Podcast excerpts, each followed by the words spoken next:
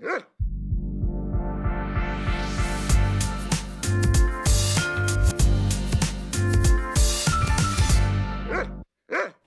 med Elise Og Silje. er tilbake, og denne episoden skal handle om fôr. Riktig ernæring det har så mye å si for hundene våre. Vi får besøk av en veterinær. Sånn som jeg ser det, så er det viktigste at man sørger for at hunden har en kvalitetsdiett eh, hvor det ligger god dokumentasjon bak. da. Vi skal høre fra en hundeeier som gir restemat til hunden. Jeg syns ikke det fins noe som er feil i det hele tatt, så fremst du ikke gjør noe som du vet at hunden din fysisk kan ta skade av. Og hunden min, den får en litt kjip beskjed. Kom hjem, Molly. Kom bort til vekta her. Her ser vi, ja. 16,9 kilo. Hva tenker du om det? Det var litt for mye. Så hun bør eh, gå litt ned i vekt. Og til slutt kommer et eh, panel av hundeeiere for å snakke om fôr og trender. Det er jo de som eh, er veldig på råfòring. Ja. Vet ikke om du kan sammenligne med veganere. Nå klør jeg i fingrene, altså. I Hundorama så får du høre om glede og utfordringer ved å ha hund. Vi har laga denne podkasten fordi vi elsker å snakke om hund, og fordi vi er interessert i å lære mer. Men nå skal det altså handle om fôr. Elise, hvordan gjør du det? Du, jeg har jo en eh, Welsh springer spaniel som er en relativt aktiv rase. Han er mye på fjellet og springer mye løs. Og Derfor har jeg tenkt at eh, det er greit å bruke et fôr som ikke har så mye korn i seg. Altså det er mest eh, rent kjøtt og fisk. Men om det er riktig fôr for han, det skal veterinær få svare på litt seinere. Jeg har en vippet, den er fire år. Jeg bruker den mest til å gå tur. Noen ganger riktignok litt eh, krevende turer. Um, hun har sensitiv mage, så hun får boksmat og tørrfôr som vi har kjøpt uh, hos veterinær. Vi følger rett og slett bare de rådene vi får. Og så gir hun en halv tyggepinne hver dag. Men jeg har også en innrømmelse å komme med, for ganske lenge nå så har jeg visst at hun er altfor tung. Jeg har forsøkt å slanke henne flere ganger, men det bare sklir ut. Nå er vel kanskje tida kommet for å gjøre noe med det, så jeg har i hvert fall tatt første steg. Hør på dette. Kom igjen, Marie. Kom. Den her. Hallo. Hallo! Da var du tilbake igjen. Skal du veie deg litt i dag? Da har jeg tatt med meg hunden min til Sandviken dyreklinikk. Og nå skal vi finne ut hvor tung hun faktisk er. Jeg står her sammen med veterinær Kristine Skogseth Jacobsen. Og hvor tung tror du hun er? Jeg tipper hun er en sånn eh, 16 kilo, cirka. Hun bør optimalt sett være nærmere mellom 14 og 15 kilo. I hvert fall basert på det som er vanlig for den hunderasen, da. Så finnes det selvfølgelig normale variasjoner. Men bare når du ser på henne, hvordan kan du se at hun er overvektig? Hun har en litt for um, brei midje. Bør helst gå litt mer innover i midjen. Og det som er klassisk å se på overvektige hunder, i hvert fall de som har kort pels, sånn som henne, er at de kan få en litt sånn tønnefasong på buken, da. det er litt avslørende. Ja, Molly, vi får se hvordan det står til. Kom igjen, Molly. Kom bort til vekta her. Du må gå opp. Her ser vi, ja. 16,9 kilo. Hva tenker du om det? Det var litt for mye. Så hun bør eh, gå litt ned i vekt. Og det skal hun få fint til, tenker jeg. Man må bare være litt strengere med mengden med mat og godbiter. Så skal det gå bra. Men hun må slanke seg. Ja, hun bør slanke seg. Det har hun godt av. Vi har fått besøk i studio. Velkommen, Camilla Meltevik. Takk skal du ha. Du er også veterinær på Sandviken dyreklinikk, der jeg var og veide og Molly. Jeg syns det er så fælt å skulle slanke henne. Hun er så glad i mat. Jeg har skikkelig trøbbel med å ta fra henne den gleden. Hvorfor kan ikke hun bare få lov til å være tjukk? For det første så er det en del ting som kommer med det å være litt overvektig. Um, de kan få en nedsatt livskvalitet. Man får en mye større belastning på leddene, blant annet. Og du som har en vippet, som har ganske sånn slanke, elegante ben, hun trenger ikke den ekstra vekten å bære på. Eh, hjertet må jobbe tyngre. Organene i kroppen har ikke godt av det. Så alt i alt så gjør du egentlig Molly en bjørnetjeneste. Hun bør egentlig få lov å være normalvektig. Og det er det jo vi menneskene. Vi er jo ganske heldige når det gjelder hund, at vi kan kontrollere deres matinntak og deres aktivitetsnivå. I hvert fall ganske mye. Og det at hunden er normalvektig, vil også forebygge sykdom. Ja. Jeg får dårlig samvittighet, da. Det var ikke meningen. Men det, det er bare så veldig vanskelig å sette i gang eh, Det skjønner jeg. Ja, og du er jo ikke alene om det. Eh, Det har ikke blitt gjort noen studier i Norge på hvor mange hunder som er overvektige, men det har blitt gjort i Europa. Og vi ser at eh, 30-50% av alle hunder i Europa er overvektige. Mm. Så det er ganske mange i samme båt. Men eh, hva kommer det av at så mange er overvektige? Jeg tror at det kommer av eh, feilernæring. Ikke nødvendigvis at de mottar feil fôr, men at de gjerne mottar eh, feil mengde i forhold til aktivitet. Og noen ganger så er hundeeiere, veldig ofte er hundeeiere ganske pliktoppfyllende. Så de leser bakpå pakken og ser hva som er anbefalt til sin hund i henhold til alder og, og nåværende vekt. Og så har man kanskje en hund som allerede har begynt å bli litt rund, og så fôrer man etter den vekten, så da holder man den litt rund. I stedet for at man gjerne fôrer etter ønsket vekt, sånn at han kan gå litt ned i vekt. I tillegg så er vi veldig glad i å gi de litt eh, ekstra godbiter på si, og da glemmer vi å knipe ned litt på, på tørrfòrmengden eller fòringsmengden generelt. Da. Så det blir på en måte i tillegg. Og bare sånn for å legge et eksempel, så kan vi si at La oss si at Molly får én brødskive med leverpostei hver morgen. Hvis hun hadde vært en ti kilos hund, da, så hadde det tilsvart at jeg satte meg ned og spiste seks brødskiver med leverpostei hver morgen. Og det er helt da- sinnssykt. Da er det ganske vanvittig. Da hadde jeg jo blitt ganske rund hvis jeg la på liksom seks ekstra brødskiver i tillegg til all den energien som jeg inntok i løpet av dagen som jeg faktisk trengte. Og det, jeg tror at det er veldig mye der det ligger. Vi gir det gjerne en vaffelbit og eh, litt godbiter i forbindelse med trening, og disse her, disse, spesielt disse leverposteiskivene, de er kjempepopulære.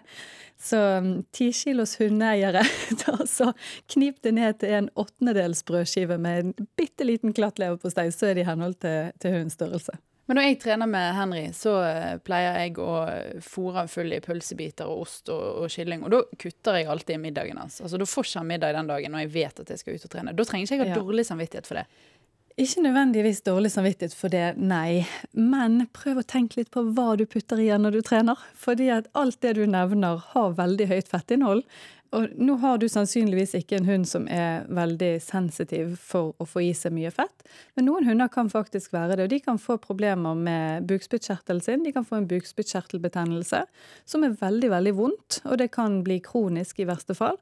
Sånn at veldig fettrike godbiter eh, i store mengder over lang tid, hvis man trener inn veldig mange nye ting, det bør man gjerne være litt forsiktig med. Prøve å heller finne noen kanskje litt andre alternativer.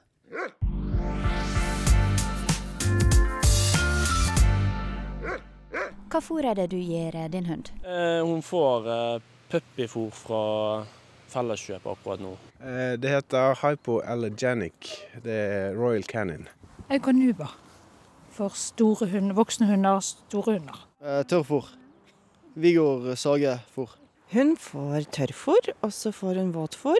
eh, Men hun går på en litt spesiell diett fordi at hun har litt eh, sensitiv mage, eller veldig sensitiv mage. Den gir vi bare tørrfôr. Og når vi er på skitur og andre turer, så lange turer, så får den gjerne en liten tørr skive. Hva er det som avgjør eh, hva type du kjøper? Nei, Det er jo anbefaling i dyrebutikken. Det er vel stort sett det som står på disse sekkene om at det er en voksen hund på så og så mange kilo. Hvorfor har du valgt akkurat det fôret? For han har eh, hatt litt sånn hudproblemer eh, når han var valp. Jeg vet ikke, men det var det vi begynte med, og det har hun fått hele livet. De selger de 12 kilosekker, og hun eter så bare det. Så eh, har det virket å være ganske bra. Er det slik at dyrt alltid er best? Nei, ikke nødvendigvis. Det tror ikke jeg. Det er noe. Men vi følger anbefalingen, da, uavhengig av pris.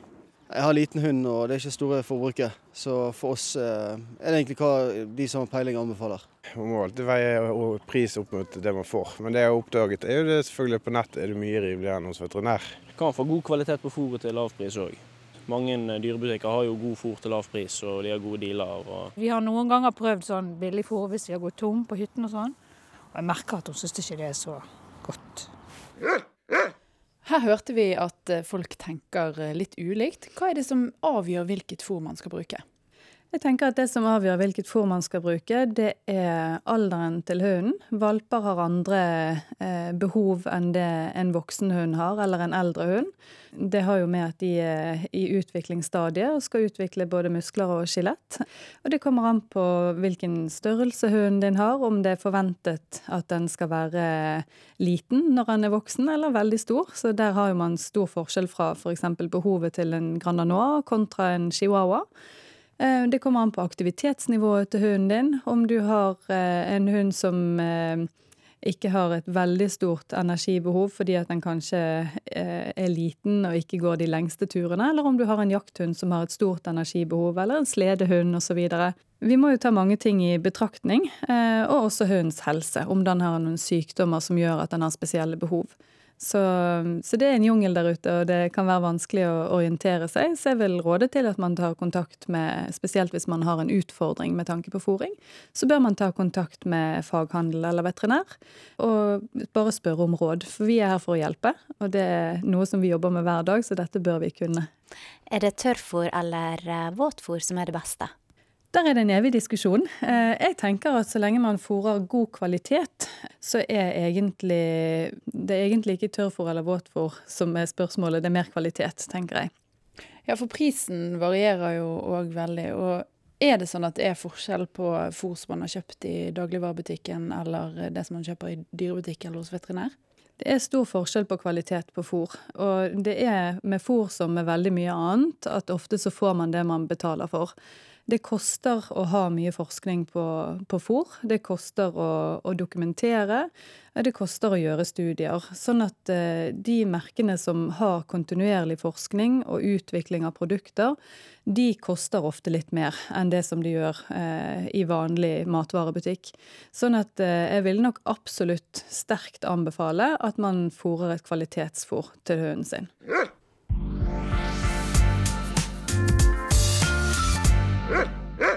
Det er også mange som gir middagsrester og det som man kan kalle menneskemat til hunden. Og en av dem det er du det, Sunniva Rydberg. Hei.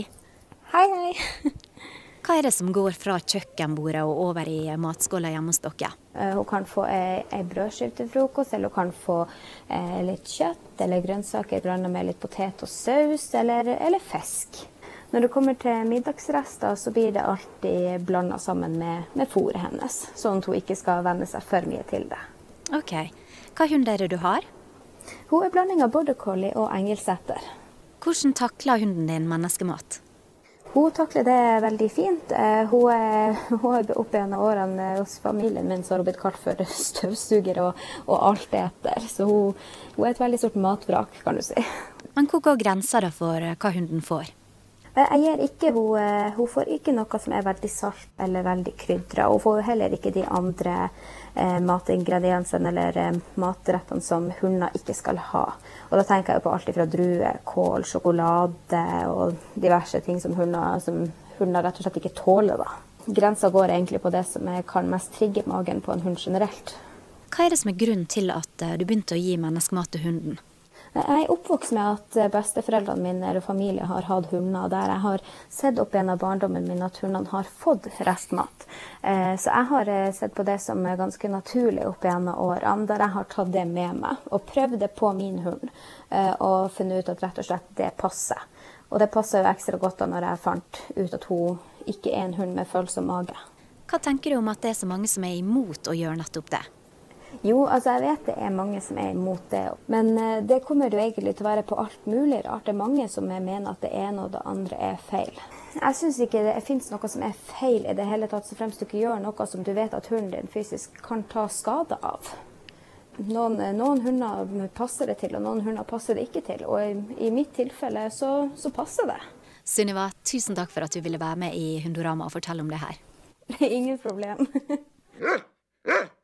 Camilla, som veterinær, hva tenker du om det Sunniva gjør? Jeg tenker at dette gjør Sunniva i beste mening. Hun er helt tydelig veldig engasjert i hunden sin og veldig glad i hunden sin. Men jeg ser utfordringene med det ernæringsmessig. fordi at hvis man har hovedtyngden eh, menneskemat og blander inn litt tørrfôr, så, så er det vanskelig å få en balansert ernæring til hunden. Veldig mange, eh, kanskje eldre hundeeiere, folk som ja, jeg har hatt hund i 40 år, eller vi hadde hund på gården der jeg Mm. vokste opp, de har kanskje en sånn innstilling at der fikk hunden det som måtte være. Altså, de, ikke, de kjøpte ikke eget fôr til hunden. Mm. Og det har vi jo lært eh, nå etter hvert, at det er jo ikke all menneskemat hundene skal ha. Men er det noe man absolutt ikke skal gi? Ja, det er en del ting som man ikke bør gi. Um, og hvis man tenker litt sånn snacks, så bør man definitivt ikke gi sjokolade. Um, og da er mørk sjokolade verst, for der, eh, i sjokolade så er et stoff som heter teobromin, uh, som er giftig for hunden. Og det skal ikke så veldig store mengder til heller. Jo mørkere sjokolade, desto mer innhold av dette stoffet som er giftig. Det er også um, søtningsmiddel som brukes i tyggis f.eks., som heter xylitol, som er veldig giftig for hund. Der kan eh, tre tyggis være nok til forgiftning eh, hos en ti kilos hund f.eks. Eller så har man jo druer og rosiner. Rosiner er jo eh, tørkede druer, så det, der får man en høyere konsentrasjon. Og der i, i disse råvarene så er det stoffer som kan gi nyreskade.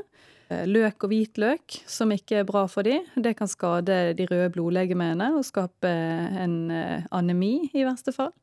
Så det er forskjellige ting som man bør holde seg unna, da.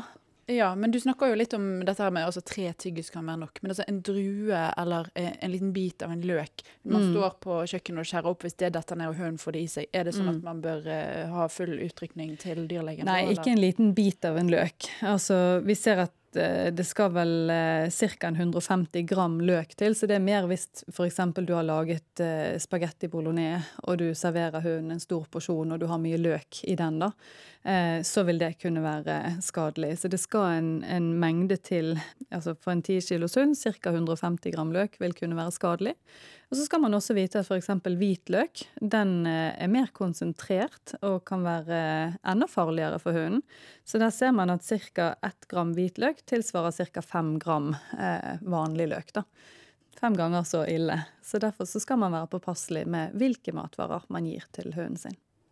En ting som jeg har lagt merke til som jeg syns er litt merkelig, det er at når noen spør i ei Facebook-gruppe, eksempel hva fôr andre bruker, så tar den eh, diskusjonen helt fyr. Altså folk blir så oppi seg og opptrekt over eh, hva andre gjør. Har du noen tanker om hvorfor, hvorfor det er slik? Ja, jeg tror rett og slett at eh, Og jeg har sett akkurat hva du mener. Og jeg tror rett og slett at det har med å gjøre at uh, hunden vår har blitt en sånn stor del av familien. Det er på en måte et familiemedlem, nesten på lik linje med, med barna våre. Så det blir som om Du ser jo de samme tendensene hvis man kritiserer barneoppdragelse, f.eks. Mm. Så det blir så personlig og så, så nært, fordi at alle, eller de fleste hundeeiere, de går veldig langt for å gjøre det de mener er aller best for hunden sin. Og det føles som veldig sånn personlig kritikk hvis man på en måte sier noe galt om det man gjør. da. Fordi man har gjerne brukt mye tid på å, å forsøke å sette seg inn i det, og sånn, og da føles det veldig ubehagelig å bli kritisert på nettopp det. Camilla, tusen takk for at uh, du kom hit. Takk for at jeg fikk komme. Jeg har i hvert fall uh, lært litt nytt nå, og har blitt enda mer motivert for å prøve å gjøre noe med Molly sin vekt. Masse lykke til. Tusen takk. Det tror jeg jeg kommer til å trenge. Så fint. stort sett hele tida, så dette blir en kamp. ja.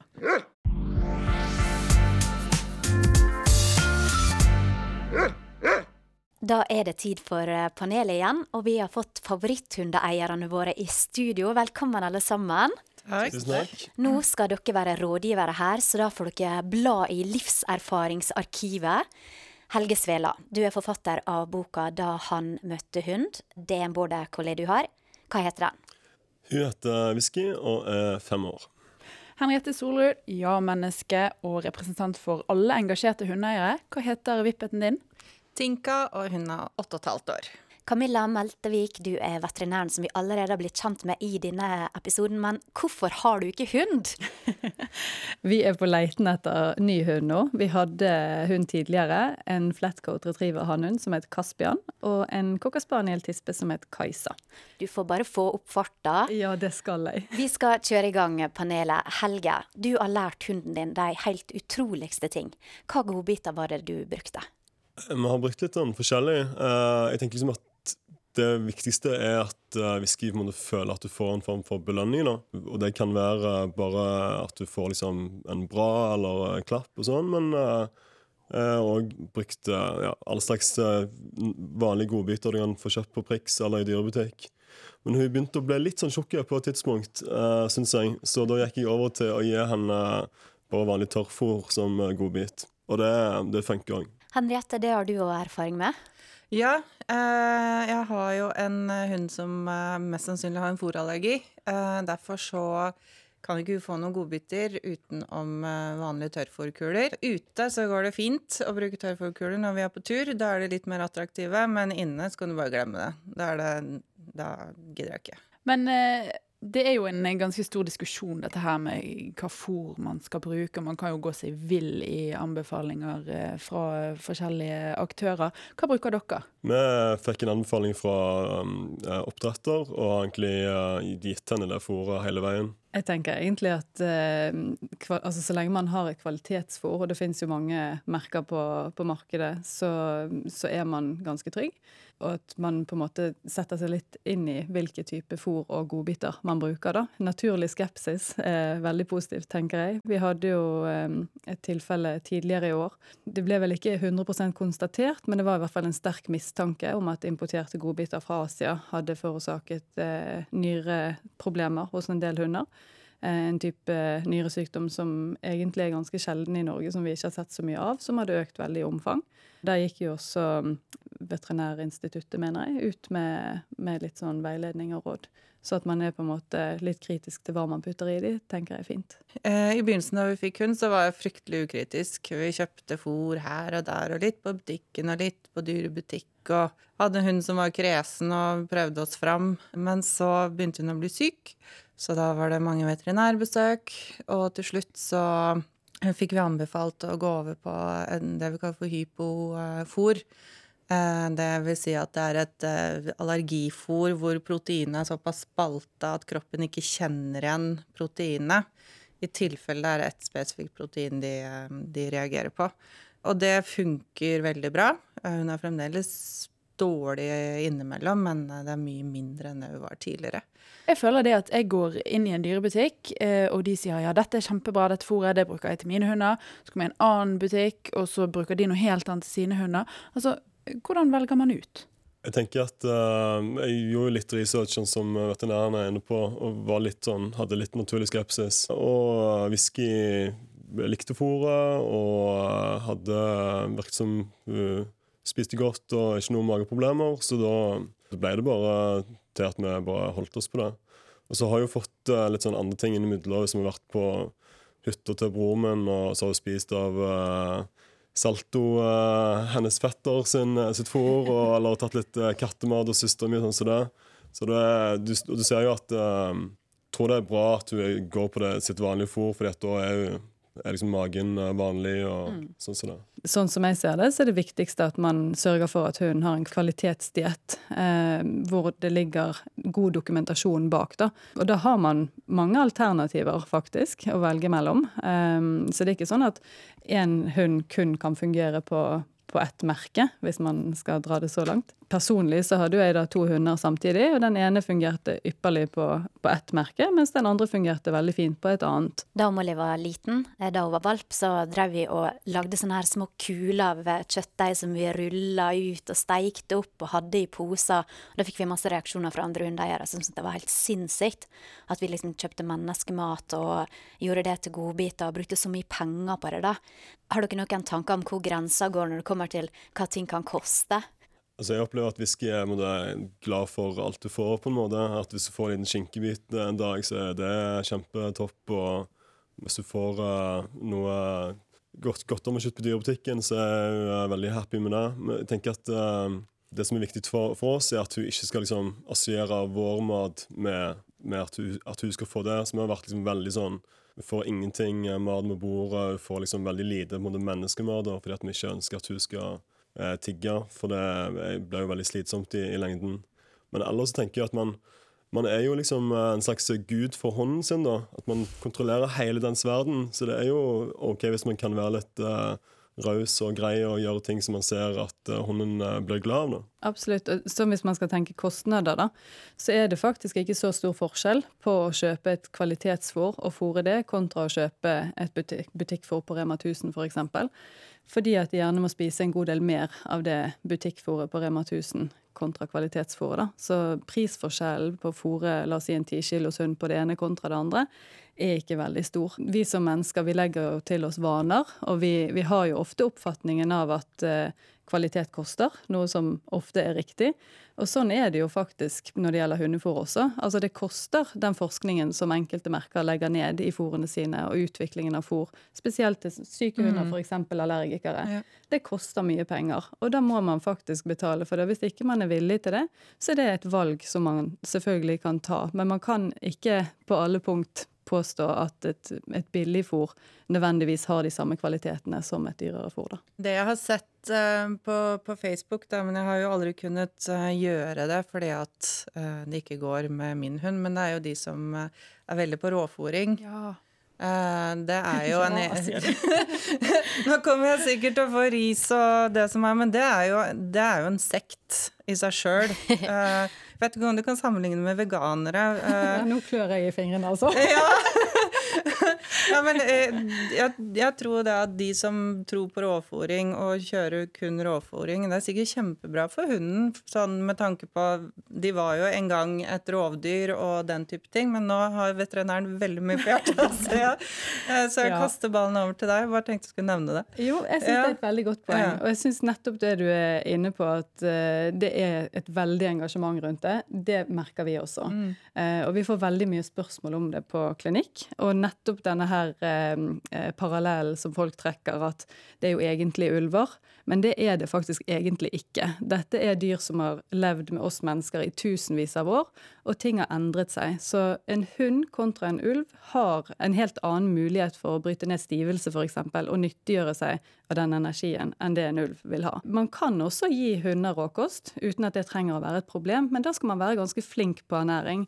Da skal man ha mye kunnskap, og det har faktisk blitt gjort tester på dette. Det har blitt sjekket eh, mange dietter som er blitt tatt fra internett, altså oppskrifter som ligger tilgjengelig ute for den vanlige hundeeier, hvor det har blitt kontrollert om dette er ernæringsmessig forsvarlig for hunden.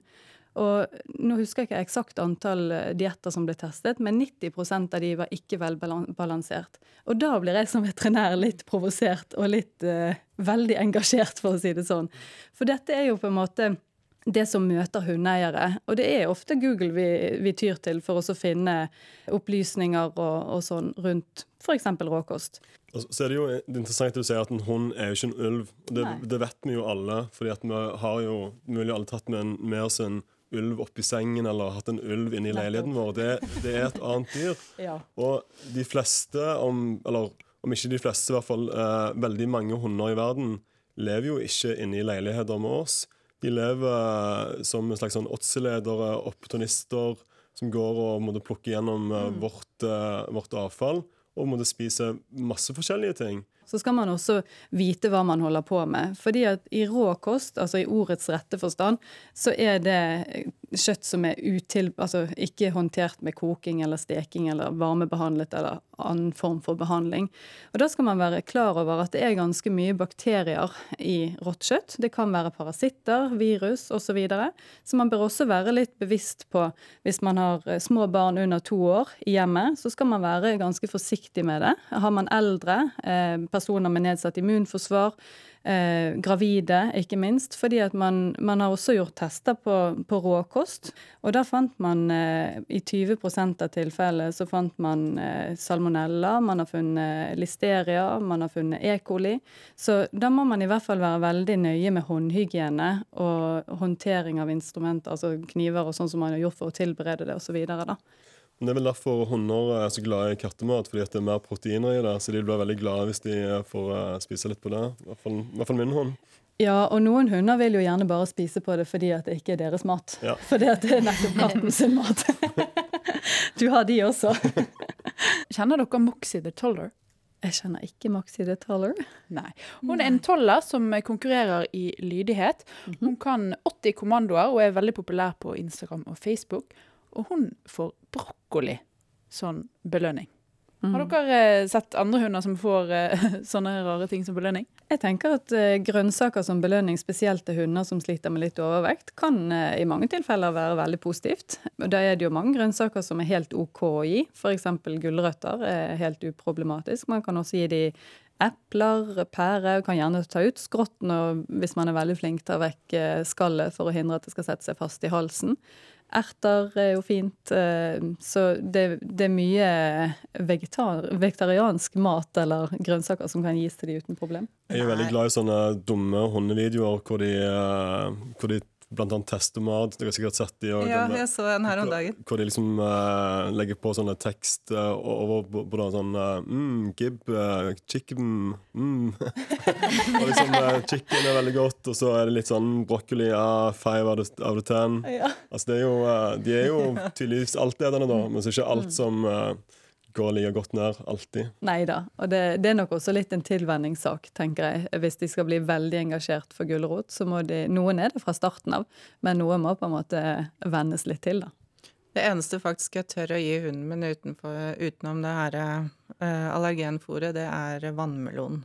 Mm. Ja, og det spiser hun av og til hvis hun finner det for godt. Hvis hun er i siget. Hvis hun er i siget, ja. Så hvis vi skal oppsummere, så brokkoli, melon Gulrot. Gulrot. Erter. Erter. Her er mye, mye man kan prøve. Tusen, tusen takk for at eh, dere kom i studio, rådgiverne. Hundorama er straks tilbake, og da skal det handle om hvordan du kan aktivisere hunden din. Det finnes mange flere ting enn tur som er kjekt både for deg og din beste venn. Og I mellomtiden så kan du sjekke oss ut på Instagram og Facebook. Vi heter Hundorama. Og send gjerne inn et spørsmål til eh, Spør veterinærspalten hvis du har noe du lurer på. Tusen takk for at du hørte på Hundorama. Denne podkasten er en del av en masteroppgave ved Høgskolen i Volda.